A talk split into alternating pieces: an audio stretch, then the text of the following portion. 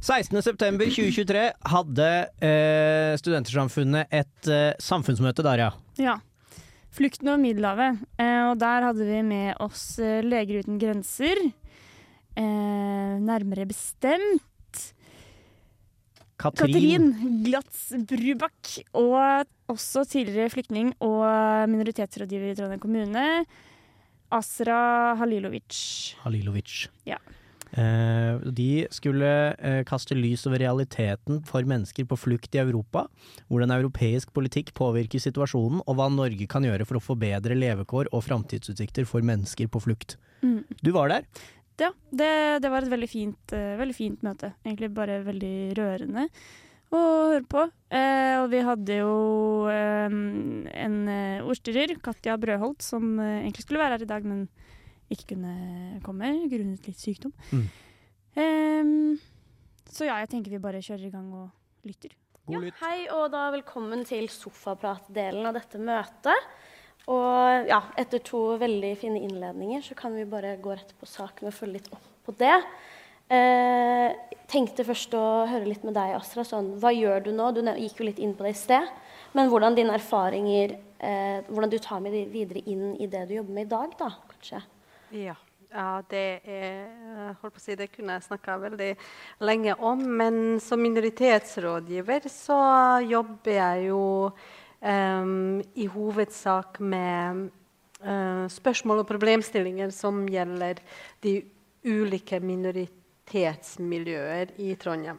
Det, uh, jeg er det som Det kalles for byomfattende stilling. Dvs. Si at Trondheim kommune har én minoritetsrådgiver for hele byen, for de fire ulike bydeler. Eh, altså, litt morsomt at denne stillinga ble 100% bare nå nylig. Eh, så det vil si at Trondheim kommune har hatt én eh, minoritetsrådgiver på 50% for hele byen. Sammenligna med andre storbyer i Norge så er det Jeg vet at Bergen har fire, tror jeg eller noe sånt. Så det, kan, dere kan gjøre dere noen tanker om det. da. Eh, vi er jo en stor by og flerkulturell by, så det, det behovet for eh, kunnskap og, eh, er jo ganske stor. Så mm, når, når det gjelder mm, Det hovedtemaet som jeg jobber med, er jo negativ sosial kontroll. Det er også æresrelatert vold, tvangsekteskap og kjønnslemlestelse. Men negativ sosial kontroll blir på, på en måte den tema og problemstillingen som veldig mye vokser ut av.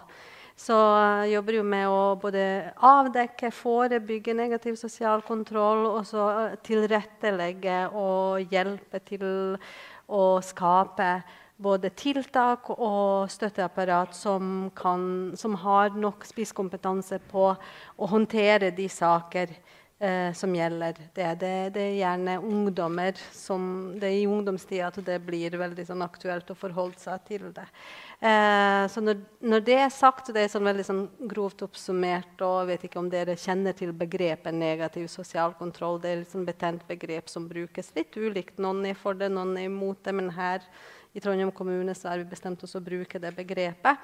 Eh, men det er jo i et, i et, større perspektiv så handler det jo om integrering og et, og et, fellesskap og et samfunn. Og hvordan skal vi som et samfunn leve sammen eh, når vi er så ulike som vi er? Og for det er vi. Uh, men uh, vi, vi, vi, er likest, vi, er jo skal være likestilt overfor både loven og alt det som gjelder i et samfunn. Men på mange, på mange måter så, så, strekker vi ikke til, og der mangles både kunnskap og våkenhet og det å på en måte å ha både rasisme, diskriminering, forskjellsbehandling Alt dette er også tema som havner på mitt bord. Mm. Eh, for det ene påvirker jo det andre. Så det er jo hvordan på en måte storsamfunnet forholder seg til minoriteter. Jeg jobber, også, altså jeg jobber ikke di direkte med flyktninger, men det er jo veldig mange uh, når det kommer til familieveiledning og det å på en måte opplyse om hvordan et sosialdemokratisk samfunn som Norge fungerer, hva som skal gjøres og ikke gjøres. barneoppdragelse er et veldig sånn tema. Og ofte, folk, folk, har ofte hørt om barnevernet før de kommer til Norge, og det er den store skrekken. Og det å på en måte forklare litt hvordan, hva forventninger er i samfunnet. hvordan ja, så, så, så, på, så, jeg jobber både med folk som er født og oppvokst her, og familier som har vært her veldig lenge og er norsk, men også nyankomne og folk som har bodd her i kanskje fem-seks år. Ukrainere nå er jo også veldig aktuelle å, å, å, jobbe sammen med og se hvilke behov og støtte og hjelp de trenger, hvilke problemer som de sitter med. Du kan jo si, altså Jeg er jo sjøl Norge, uh, kom jo til Norge som 14-åring, så jeg har jo gått den prosessen til integrering i det samfunnet her. Så opplever på en måte det å ha den erfaringa til å vite hvordan det kan føles, og hva det er, er jo en gode uh, i en sånn type arbeid. Uh, men det er jo også det engasjementet for, for jeg opplever at jeg har fått et liv i Norge. Jeg har fått liv i gave. Og jeg er veldig takknemlig for demokratiet. Jeg er veldig takknemlig for, og evig takknemlig. kommer alltid til å være takknemlig til Norge for at de tok meg imot, og min familie, og at vi fikk mulighet til å både utdanne oss og få uh, altså, det, det er en verden jeg vil være en del av. Så mm, jeg skulle ønske at den historien som Katrin kommer med, uh, at vi, vi forholdt oss til det på en helt annen måte som samfunn og som mennesker og medmennesker enn det vi faktisk gjør. Mm. Mm. Før jeg gir ord videre til deg, så tenkte jeg å si at uh, hvis man ønsker å stille spørsmål, så er det bare å rekke opp hånden. Og da vil en som er på jobb, komme bort til deg med en mikrofon, eh, nei, komme opp og skrive deg opp. Og så roper jeg opp navnet ditt når det er din tur til å stille spørsmål. Så det er å bare gjøre eh, når man føler for det. Yes. Eh, ja, og da til deg, Katrin, om du kunne fortelle litt mer om ditt arbeid spesifikt. Hva, hva jobber du med når du er ute i feltet, da? Um, ja, når jeg er ute i felt med Leger uten grenser, så er jeg alltid ute som psykolog. Jeg er barnepsykolog eh, jeg skulle si, i utgangspunktet. Um, så da handler det jo om eh, behandling av mennesker som har blitt prega enten av eh, ting de har opplevd før flukten, eller under flukten, eller dessverre også etter at de har kommet til Moria, som jeg jobba mest i. da. Eh, og det, sånn det er liksom sånn tre det er tre lag med traumer veldig ofte. Eh, sånn som Miriam, eh, som jeg fortalte om, hun har sant, opplevd traume eh, før hun kom, eh, i sitt hjemland, som veldig mange har. Eh, underveis på flukten så er det jo eh, veldig mange som opplever å bli utnytta av smuglere eller av såkalte gode hjelpere. hvis du har brukt pengene dine på smuglere et visst stykke og ikke kan videre, så er det disse gode hjelperne eh, gåsøyne, veldig ofte eh, på pletten og sier at de kan tilby at sant, du kan bo hos meg en stund, og jeg kan hjelpe deg, og jeg kjenner folk. og sånn. Det er bare at det, er ingen gratis i lunsjer. um, så det må du betale for på en eller annen måte. Så det betyr at veldig mange, særlig jenter, da, men også gutter, um, blir dratt inn i sexhandel og blir tvunget til å være sexslaver en periode før de da kan dra videre. Um, barn kan ha vært vitne til at uh, mødre har blitt, eller blitt tvunget til å være vitne til at mødre har blitt voldtatt. Uh, til at foreldre har blitt drept eller torturert. Uh, så det er liksom massive, massive traumer oppå hverandre før de kommer til Europa. Mange har jo også opplevd Altså, far, overfarten over Middelhavet er jo regna som den farligste fluktruta i verden. Um, det er ingen, ingen, andre strekk hvor det dør så mange som akkurat over Middelhavet. Uh, så mange har jo opplevd enten at båten nesten har gått under, eller at noen har uh, ramla i vannet. Um, jeg har også jobba på en, uh, nei, en redningsbåt uh, på Middelhavet, hvor vi plukka opp flyktninger som kom fra Libya og Tunisia. Det er jo bare mellomland. De kommer jo opprinnelig fra Syria, Afghanistan, Sudan, Sør-Sudan, Eritrea. Land vi vet er i konflikt, og som er, har ulevelige kår. Da. Um, og da var det en um, seint en kveld um, Vi ble klar over en båt uh, som hadde sendt ut Mayday. Uh, og vi uh, satte kursen i retning av dem. Uh, så det er mørkt. Det er en del bølger. Det er ganske eh, det, det, er utrolig viktig når vi driver med sånne redninger at vi ikke kommer for nære gummibåten for fort. For vi vil ikke at noen skal hoppe over bord i et håp om å bli redda, fordi de fleste kan ikke svømme.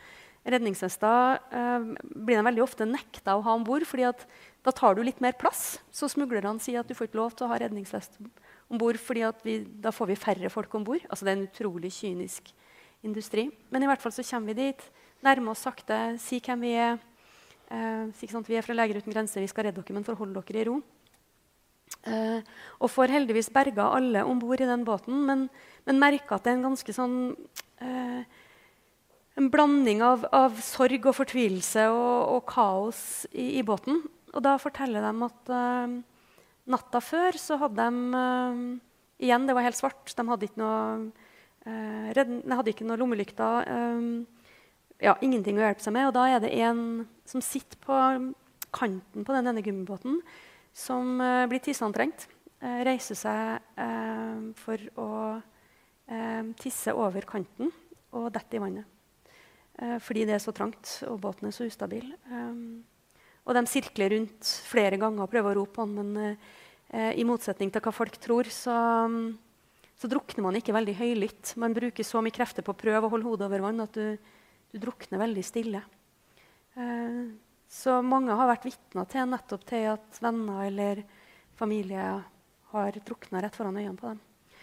Um, så det er det er mye sånn dramatiske historier de har gjennomlevd. og Det, det vi vet da fra traumepsykologien, er jo at det aller beste du kan tilbys da, er trygghet, stabilitet, forutsigbarhet, ro, følelsen av at du er trygg.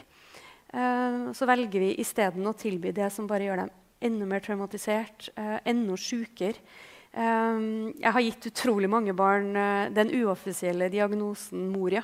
Mm. Um, fordi at dette er barn, inklusive Miriam, som ikke ville vært syke hvis de ikke hadde bodd i Moria. Ja.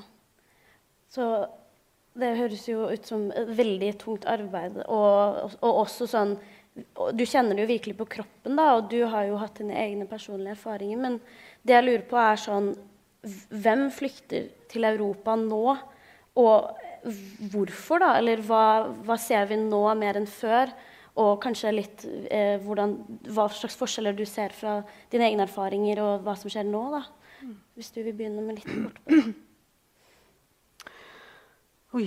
Um, det er jo ikke i nærheten, og det er jo det som er så forferdelig trist. For det er jo uh, det er mer enn nok å oppleve det innledningsvis og fortelle hvordan jeg som barn fra den ene dagen til den andre går fra fred til til at OK, så, så, skal vi bli drept. Og vi kunne jo snakka lenge om hvordan det skjedde, hvordan, uh, hvordan situasjonen i Bosnia endrer seg, og vi, vi, er i fare. Og jeg som, som barn forstår egentlig ikke det, det kollektive den, den, kollektive kaoset, den kollektive psykosen kan du si, som foregår rundt en. Eh, og aksepterer egentlig OK, mm, vi kommer til å bli drept. Og vi kommer til å, det kommer til å skje. Eh, verden vet ikke om oss. Verden, også fordi alt er kutta. Alle linjer inn og ut og all kontakt med omverdenen er kuttet. Vi er stengt inn. Eh, verden vet ikke om oss. Verden bryr seg ikke. Akkurat den følelsen som Eh, det er veldig viktig for meg, eh, før jeg, før jeg, kommer til poenget Jeg sammenligner ikke min historie med det som Katrin og, med barn fra Moria og familie fra Moria, for det, det kan ikke sammenlignes engang. Jeg, trodde jeg, jeg trodde det jeg opplevde, var ille, og det var ille nok. Og det her er, jeg, jeg kan bare nesten ikke forstå det. Og, det. og det å oppleve at verden ikke bryr seg, og så oppleve at de bryr seg det. Ja, for, for det det har jeg hørt så utrolig mange ganger når jeg har jobba enten har vært i Moria eller på redningsbåt eller i Egypt eller uh, Libanon, hvor jeg, hvor jeg, nå har jobba med flyktninger. Det er veldig sånn universelt. det at um, Fortell verden om oss. Mm. Vi må ikke glemmes. Um, sånn at selv om um, selv om ikke du bidrar, altså hvis det er sånn at du ikke kan bidra med så mye, men i hvert fall fortelle om det igjen. Mm. Fordi at den der følelsen av å være forlatt Mm. Uh, og at ingen bryr seg, at ingen hjelper deg. Det, kan, altså det er liksom et dobbeltsvik på toppen av alt det derre ja, um, Opplevd krig, uh, altså plutselig er det krig, verden er uforståelig for meg. Jeg vet ikke hva som skjer. Alt det som barn og som du har opplevd. Mm. Det, det, legger seg liksom på toppen hvis ingen bryr seg om at du har det vondt i tillegg. Og det er, veldig, det er, en veldig sterk opplevelse. Og jeg, jeg tenker jo også, Når vi sitter her og sitter med, med en ny ung generasjon også, Det er veldig vanskelig for meg å, Grunnen til at jeg sitter her, er jo forhåpentligvis å, til å engasjere noen av dere til å bry dere. Det, det, er rett, det, det, er rett, og slett fordi du vet egentlig aldri hva som venter. Du vet aldri hva, hva som kommer til å skje deg heller. Nå er det nå ikke sånn, Jeg er ikke så fan av at en skal tenke bare på seg sjøl hele tida. Det kan skje meg, og derfor må jeg være grei og bry meg om andre. Men om du ikke bryr deg, spør deg sjøl hvorfor bryr du deg ikke. Altså det, ok, du bryr deg ikke, men kanskje still spørsmål. Hvorfor bryr jeg meg ikke om andre sin lidelse? Den lidelsen som bosniere har erfart, og det, det å være en flyktning og komme hit Tro meg, har lært meg en ting, er at vi henger sammen at min lidelse er deres lidelse også. Og det er, kanskje, det, det er en illusjon å sitte og føle og tenke at vi er trygge, så barn på Moria, deres lidelse, ikke vår lidelse. Det, det, jeg sier det med sånn klump i halsen. og Ære være deg, Katrine. Det, jeg har sånn respekt for, for at, at, det skal koke ned til individer som deg til å gjøre det arbeidet. Det, det er skam. Det er flaut. At det, ikke, uh, at det må være på det nivået. Hvorfor, vi er jo mennesker. Hvorfor kan ikke vi ha et system som også bryr seg? For meg så er Norge, var Norge et system som brydde seg. Jeg kom ikke, jeg kom ikke med, jeg måtte ikke svømme over. Jeg, jeg, vi, kjøpt, vi var privilegert, vi òg, fordi min far lånte noen penger, for det var dyrt å komme til Norge. Så de, eh, de som hadde penger, bosniere som hadde penger, klarte å rømme og klarte å komme hit. De som ikke hadde penger, de ble igjen. De ble drept. Mange av dem ble drept. Men, eh, men vi, hadde, vi, vi, fikk tak i noe penger, så vi kunne komme hit. Og eh, Søstera mi var gravid på det tidspunktet, og det, den babyen er kanskje like gammel som dere nå. Som ble født her i Trondheim faktisk, og ble en trønder. Eller hun flytta ut til Oslo veldig fort, så hun er søring. alt håp ute. Så alt håp ute for henne. Anywho. Nok om det. Poenget er at jeg kom, eh, begynte å fortelle om hvor organisert alt var. og Vi ble tatt vare på fra at ingen bryr seg, til at mitt liv, mitt liv betyr ingenting. Og det er jo litt sånn, Jeg husker det faktisk sjøl. Ja, OK, vi kan bli drept, men glem oss ikke. Det er bare glem, Av en eller annen grunn så er det sånn. Og da å komme hit og det å oppleve at jeg, jeg har en verdi jeg er faktisk, Noen bryr seg om at jeg også mitt liv er faktisk viktig. Det preger en. Og jeg håper Må, må det komme dit? Også det er sånn, hvor, også, mm, jeg er skeptisk til det her at mitt liv er mitt liv, og that's it. Mitt liv er også avhengig av at, du, at dere har det bra. At dere har det godt. Det, det, det, er ikke noe, det, er ikke noe sånn altruisme her. Noe, det, bare er sånn for, for, for, meg som har opplevd det. så det, bare er sånn. Hva skjer jo når jeg jobber gjennom jobben min, når jeg møter mennesker som er kommet hit og bare endelig er her. Og de òg ser på seg sjøl. Det er jo flyktninger fra Syria, for eksempel, noen som jeg møter. Og de også ser på seg sjøl som heldige som er her, mm. og er i det programmet og kan lære om alt det her. De har kommet langt. Mm. De er jo ikke i den flyktningen.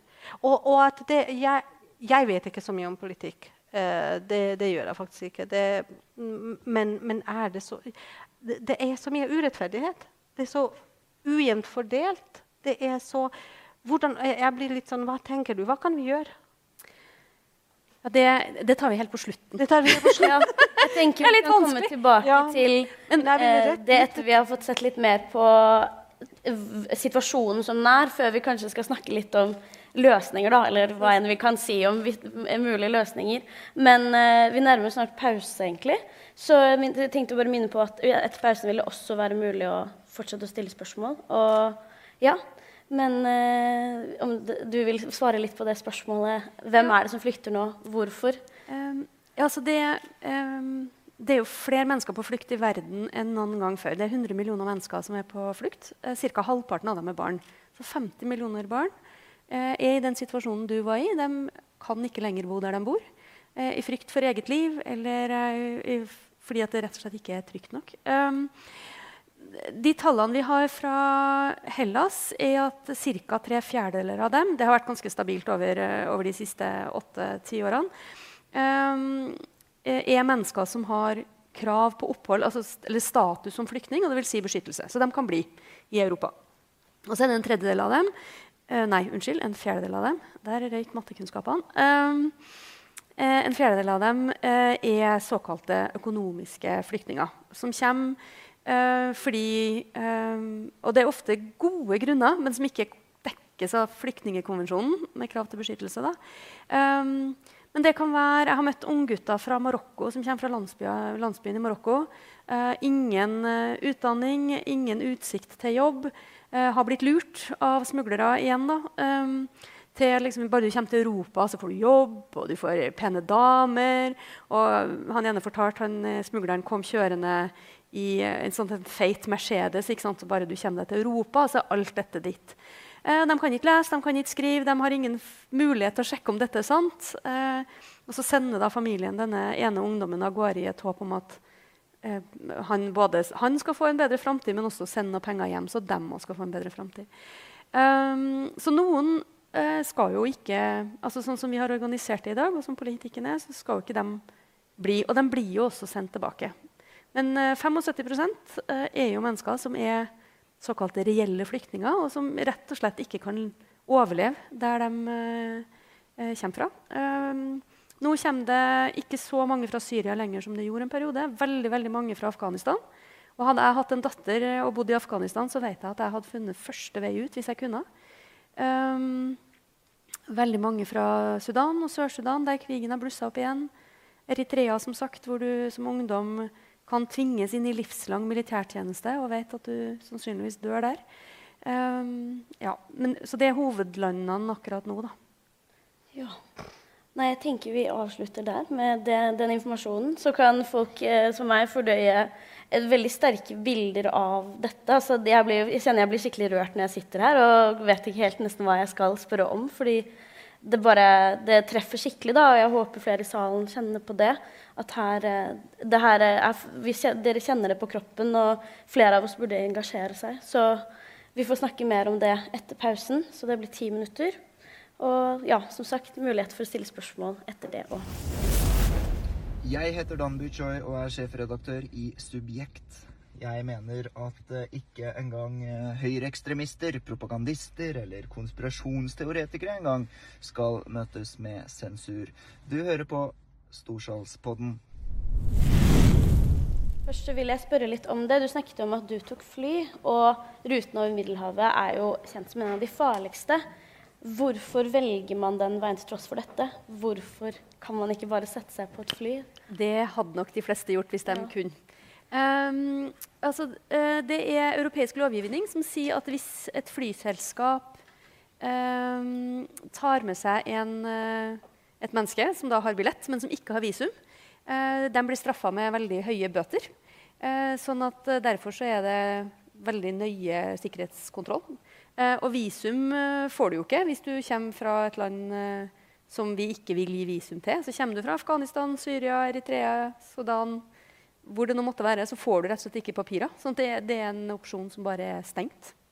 Um, så hadde vi jo en kort periode i 2015 så var, jo, var det ganske mange jeg vet ikke hvor mange av dere som husker det, men da var det ganske mange som kom over Storskog i, um, i Finnmark, over uh, grensa fra Russland. For da var det noen som fant ut at ja, det, er en, det, er en, trygg måte å komme over. Da, er, og så finnes det en, en, regel om at det er bare kjøretøy som slipper over på den grensa. sånn at eh, det ble et kjempesvært marked å selge brukte sykler i Russland. Og så sykla folk over, eller trilla over for å komme til Norge, for det var ikke lov til å komme på fot, til fots eh, midt på vinteren. Eh, så sånne rare, rare bieffekter av det hele. Eh, eh, nei, grunnen til at man velger båt, er for at det fins ingen annen måte å gjøre det på.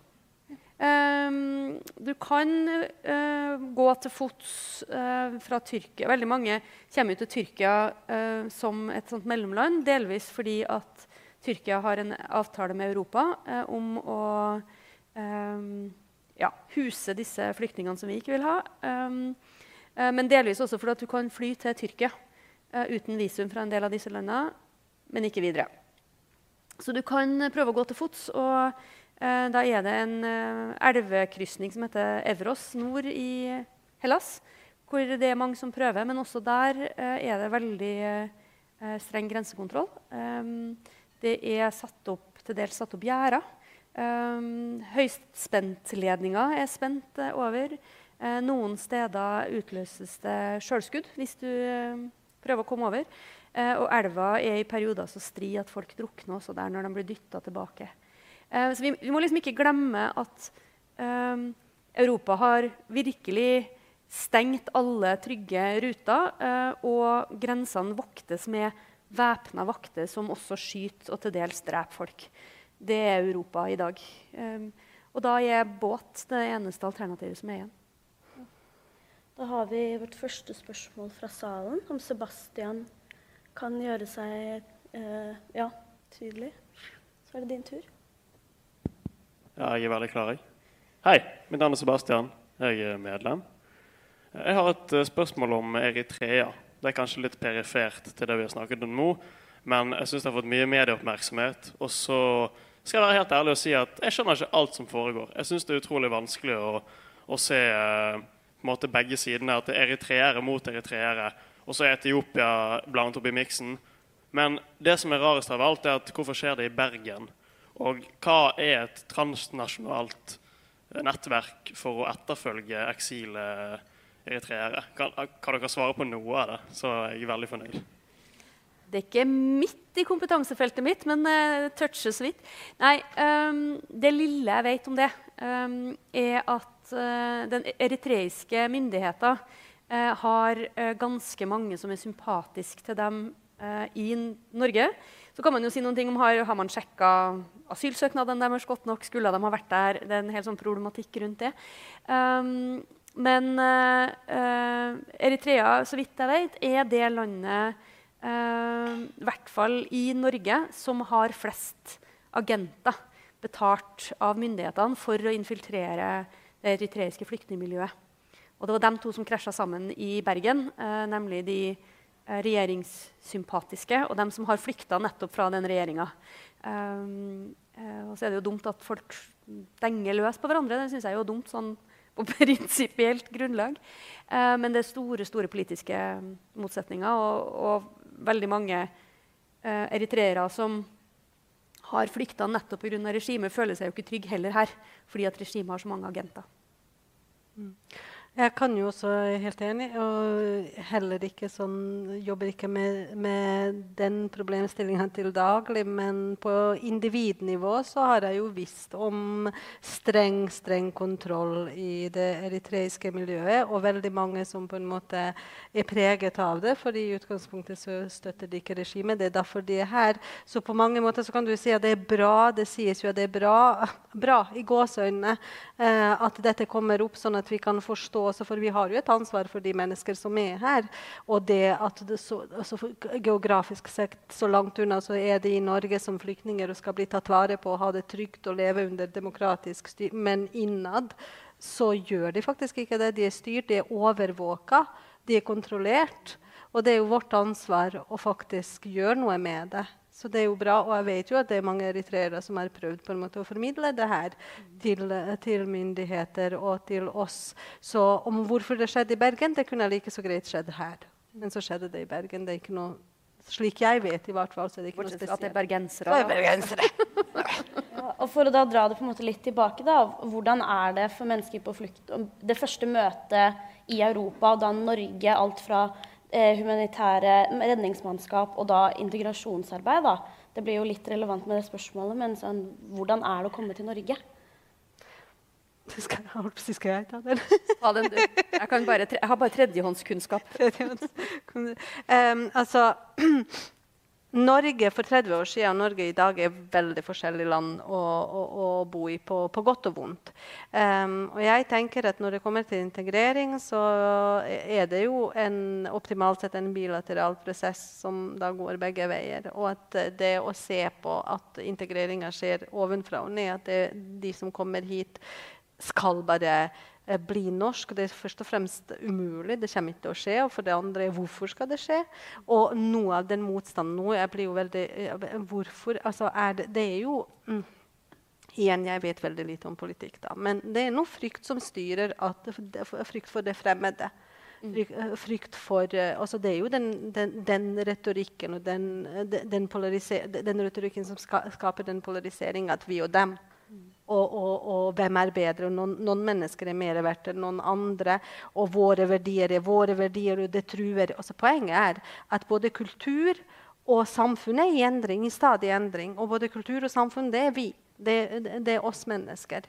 Og, og, det er jo alltid, for meg så er det jo alltid et sånn fokus på å deale med volden. Vold i samfunnet. Vold i kulturen. Vold finnes overalt. Og forholde seg til det. Og det kommer alltid til å være. Det kan se ut som at vi har, en, vi har et samfunn som er som, Også Europa er jo slik altså, jeg hører jo denne høyrevinden, og at folk blir mer uh, opptatt av meg og mitt og, og den der nasjonalidentiteten. At vi er hvem er vi, og at det blir Og så kan en lure på hvorfor, hvorfor er det sånn. Altså det, det, er jo mange grunner til det. Det er jo også de sosialøkonomiske grunner også til å fattigdom. Og så mange problemer som vokser, som gjør også at en blir lukka, uh, og en på en måte er opptatt av uh, at vi skal, at Norge Norge og nordmenn er sånn. Men i realiteten så er det ikke sånn. Eh, I, i realiteten så er det et flerkulturelt eh, land som da må deale med en god del problemer som altså, Jeg sjøl er jo et produkt av et bitte lite land med flere kulturer på et sted. Mm. Vi, det er vanskelig. Det er mange utfordringer i det.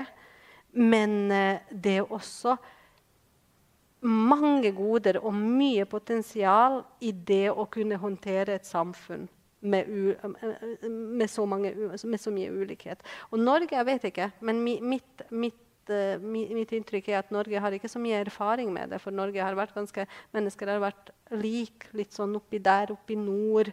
Få folk, ganske like. En religion. Det, det, man, en har ikke hatt de problemer å deale med.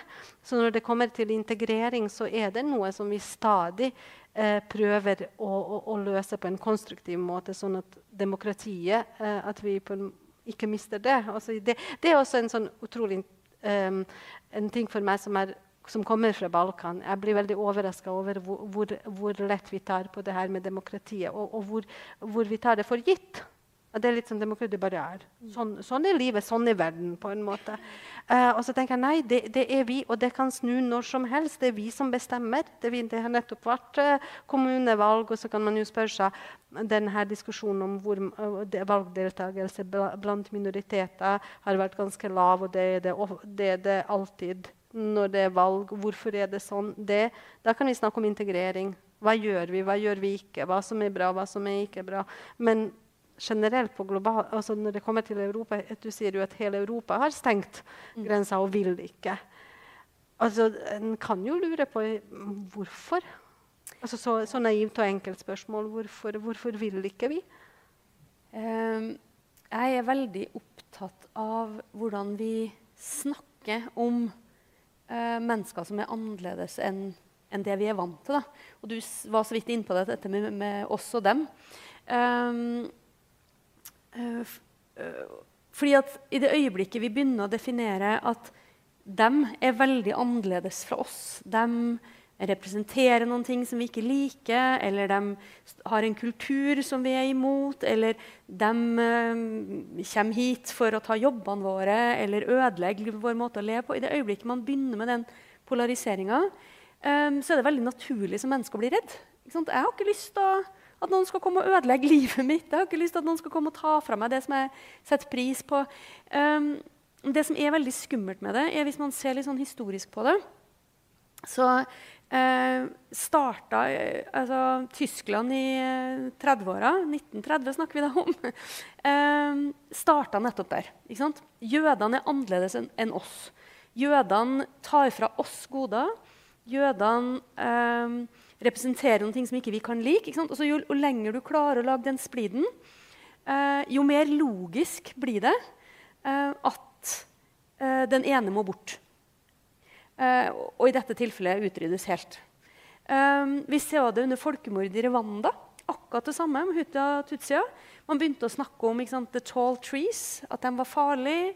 De var kakerlakker, de, de ville oss vondt. Og til slutt ble det selv om det virker helt sånn rart, men det blir helt logisk at naboer tok livet av hverandre. Altså, liksom, det var som om de to var venner, og så plutselig så oppfatta jeg deg som en trussel, og så tar jeg livet av det. Det er jo akkurat det som skjedde. Ikke sant? Og det er akkurat det som skjedde i Bosnia. Det er akkurat det som skjedde Nå er det mm, akkurat uh, Chile og, og, Pinochet sitt regime er akkurat en del oppe i media nå.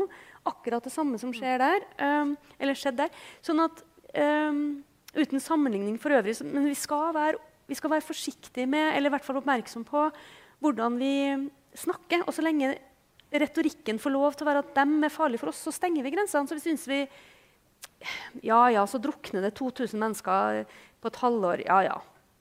Det er nå bare sånn det må være. Vi kan ikke la alle komme hit. Og så begynner vi å begrunne for oss sjøl hvorfor vi syns at andre liv er mindre verdt. Mm. Og det er en kjempeskummel vei å gå. Og det, uh, jeg må bare gjenfortelle, for vi spiste jo middag sammen før, før, vi kom hit. Og da nevnte jeg jo det her med det å få norsk pass. Det å få den, måte, det, det å få den fysisk uh, for meg når, uh, i 1999.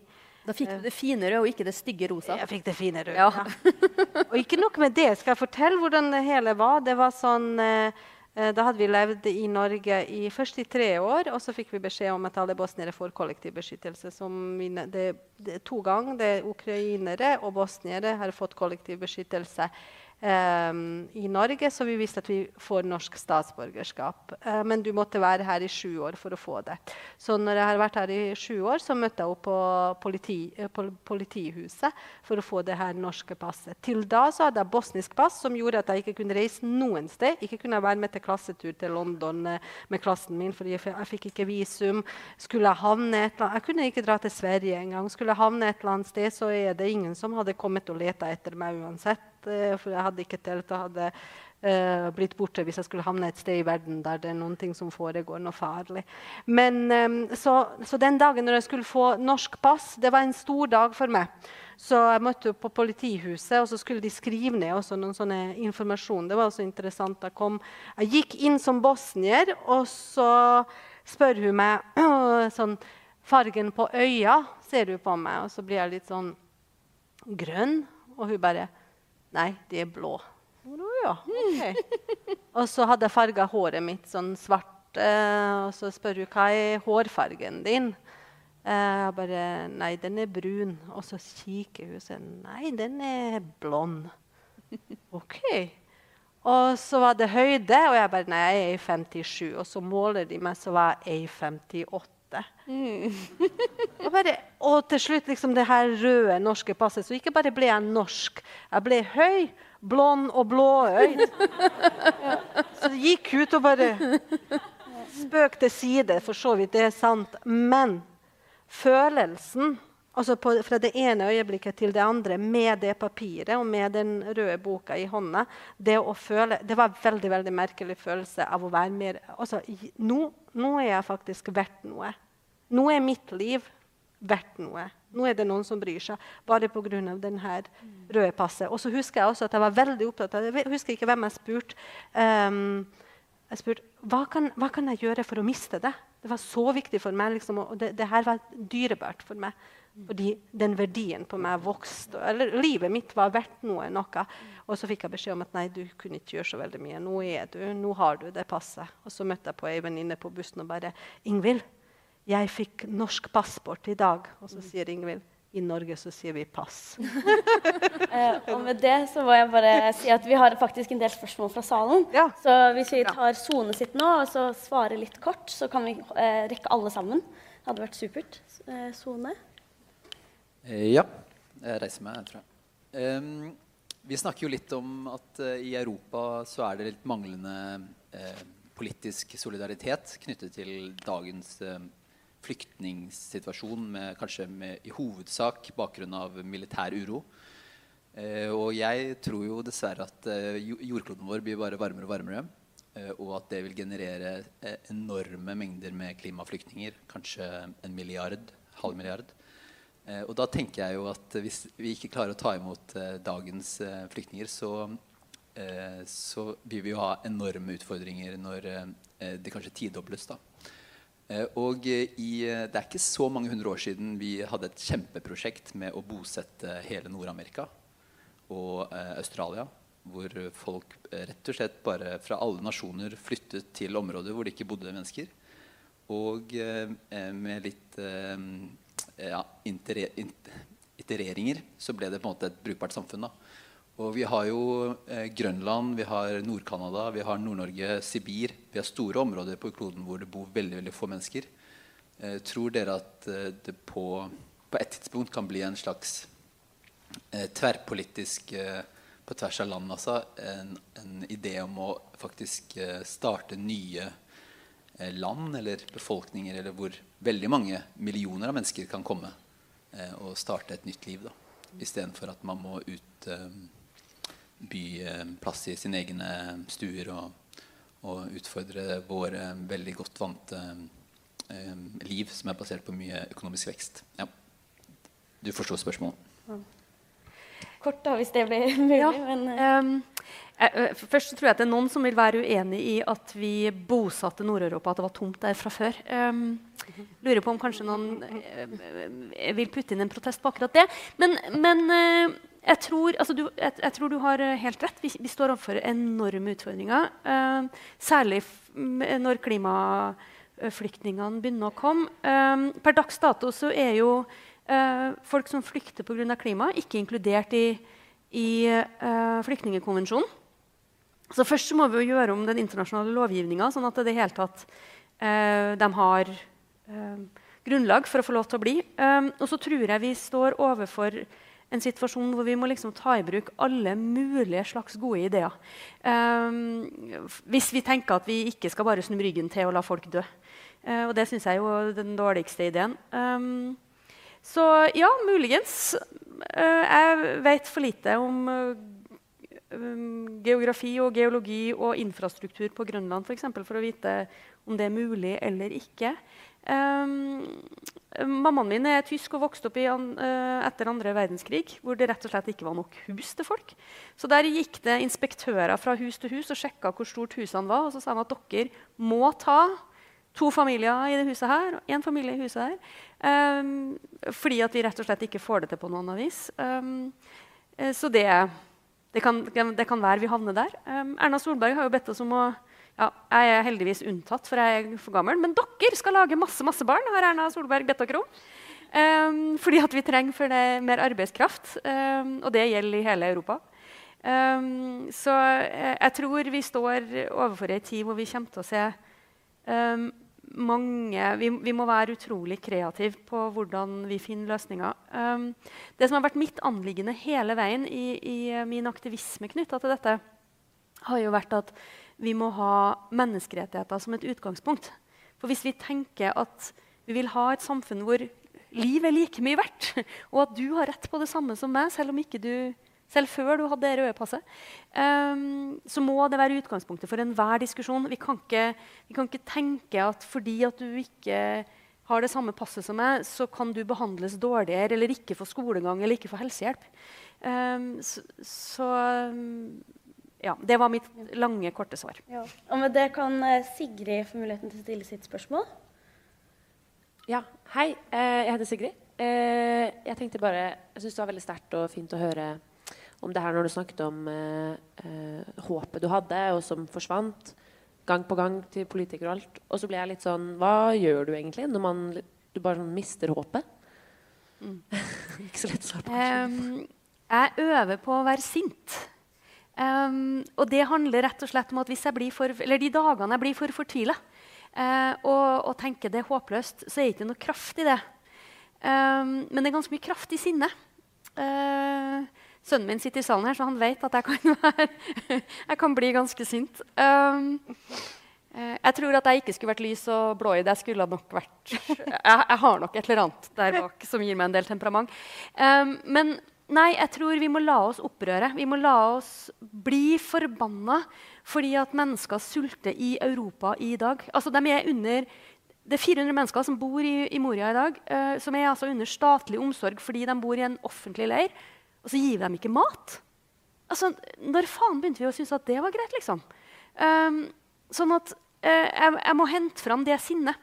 Jeg må fortsette å lytte Venn, ikke vende meg bort, men heller vende meg mot og tenk det her kan jeg ikke tåle. Og så er det å være på plasser som det her, snakke med studenter. altså studentene, jeg skulle si mine, eller dem jeg underviser på Dragvoll. Um, skrive i aviser, være på politiske møter og sørge for at vi ikke, ikke bryr oss. For det er det aller verste vi kan gjøre, er å snu oss bort og tenke at det ikke er noe vits. Og om jeg bare får um, redda ett menneske altså for F.eks. Miriam, da, som, som greske myndigheter ikke ville gi helsehjelp. De skjønte ikke, så, så, ikke skjønte ikke, hvorfor hun var så syk som hun var. Psykisk helse fins det nesten ikke av i Hellas. Men det å ha fighta for hun, um, sånn at hun etter hvert kom til uh, det greske fastlandet Hun ble lagt inn på sykehuset.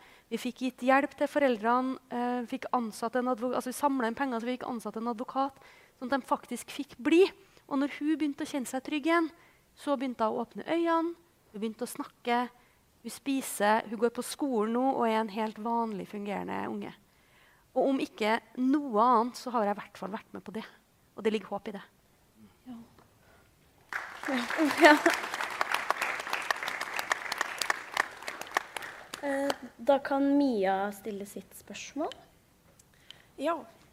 Um, Katrin, kan du eh, dele en av uh, erfaringene som har gitt mest inntrykk på deg i felt? Ja, om det er mulig å holde litt kort, da. Men, ja, jeg, skal, det, jeg, skal jeg skulle jo gjerne sittet her hele kvelden, men um, Jeg skal gjøre det kort. Det, det, er veldig, veldig mange, og det er vanskelig å velge. Men uh, en historie som gikk veldig inn på meg, det var en mamma med to små jenter fra Syria. Uh, de var der hele familien. Uh, hadde vært i Moria i tre år. Um, og mora begynte å miste håpet. Hun tenkte at vi kommer oss aldri herfra. Og ikke minst så, så hun at ungene begynte å bli veldig syke. De uh, slutta å leke, de slutta å le, de ville ikke gå ut av teltet. Uh, og så kommer hun en dag og så sier hun, uh, Katrin, um, jeg lurer på om jeg skal ta livet mitt. Ikke fordi at jeg egentlig vil dø, men jeg vet at hvis jeg ikke er her, og mannen min ikke er her, så de skulle ta livet sitt begge to, eh, så blir barna våre behandla som enslige mindreårige, og da er det i hvert fall en sjanse for at de får lov til å komme ut av leiren. Og Det sier noen ting om hvilke betingelser vi lar folk leve i når mødre som elsker sine barn, eh, vurderer å ta sitt eget liv for å berge barna.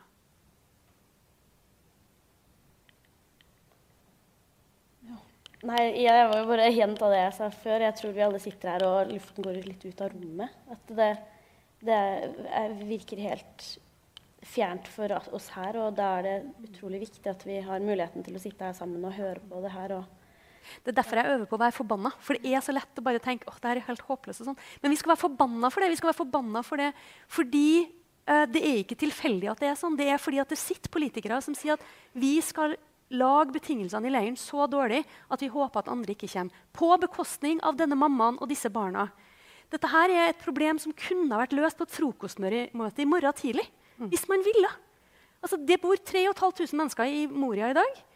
Det er unnskyld meg, men det er en fis i motvind. de kunne virkelig ha bare signert i papirene, fått dem ut, gitt dem levelige liv. Det betyr ikke at alle som kommer, skal få opphold, men behandle dem som folk. Og det er sinnet som må overta når vi tenker at det her, uff, det er så trist at det er sånn. Nei, det er ikke trist at det er sånn. Det er noen som har valgt det. Og det kan vi faen meg ikke finne oss i. Amen. Mm.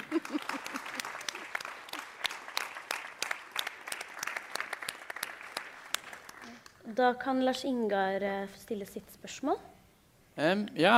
Uh, hei, mitt navn er Lars Ingar, uh, og jeg er medlem. Um, apropos dårlige betingelser bestemt av uh, dårlige politikere. Um, jeg har uh, ofte tenkt på de menneskene som er uh, Eller i hvert fall når dere har pratet i kveld, da, mennesker som er um, papirløse. og kanskje spesielt Det skjer jo over hele Europa, da, men kanskje spesielt i Norge. da, men At det er mange som lever uten papirer og uten dokumentasjon, og da kanskje ender litt opp i limbo, rett og slett, og uten så mange muligheter i Norge. Um, jeg lurte litt, Asra, om Hvordan er det dere jobber med dem i kommunen? Eller har du noe med dem å gjøre? I, i, i deres arbeid?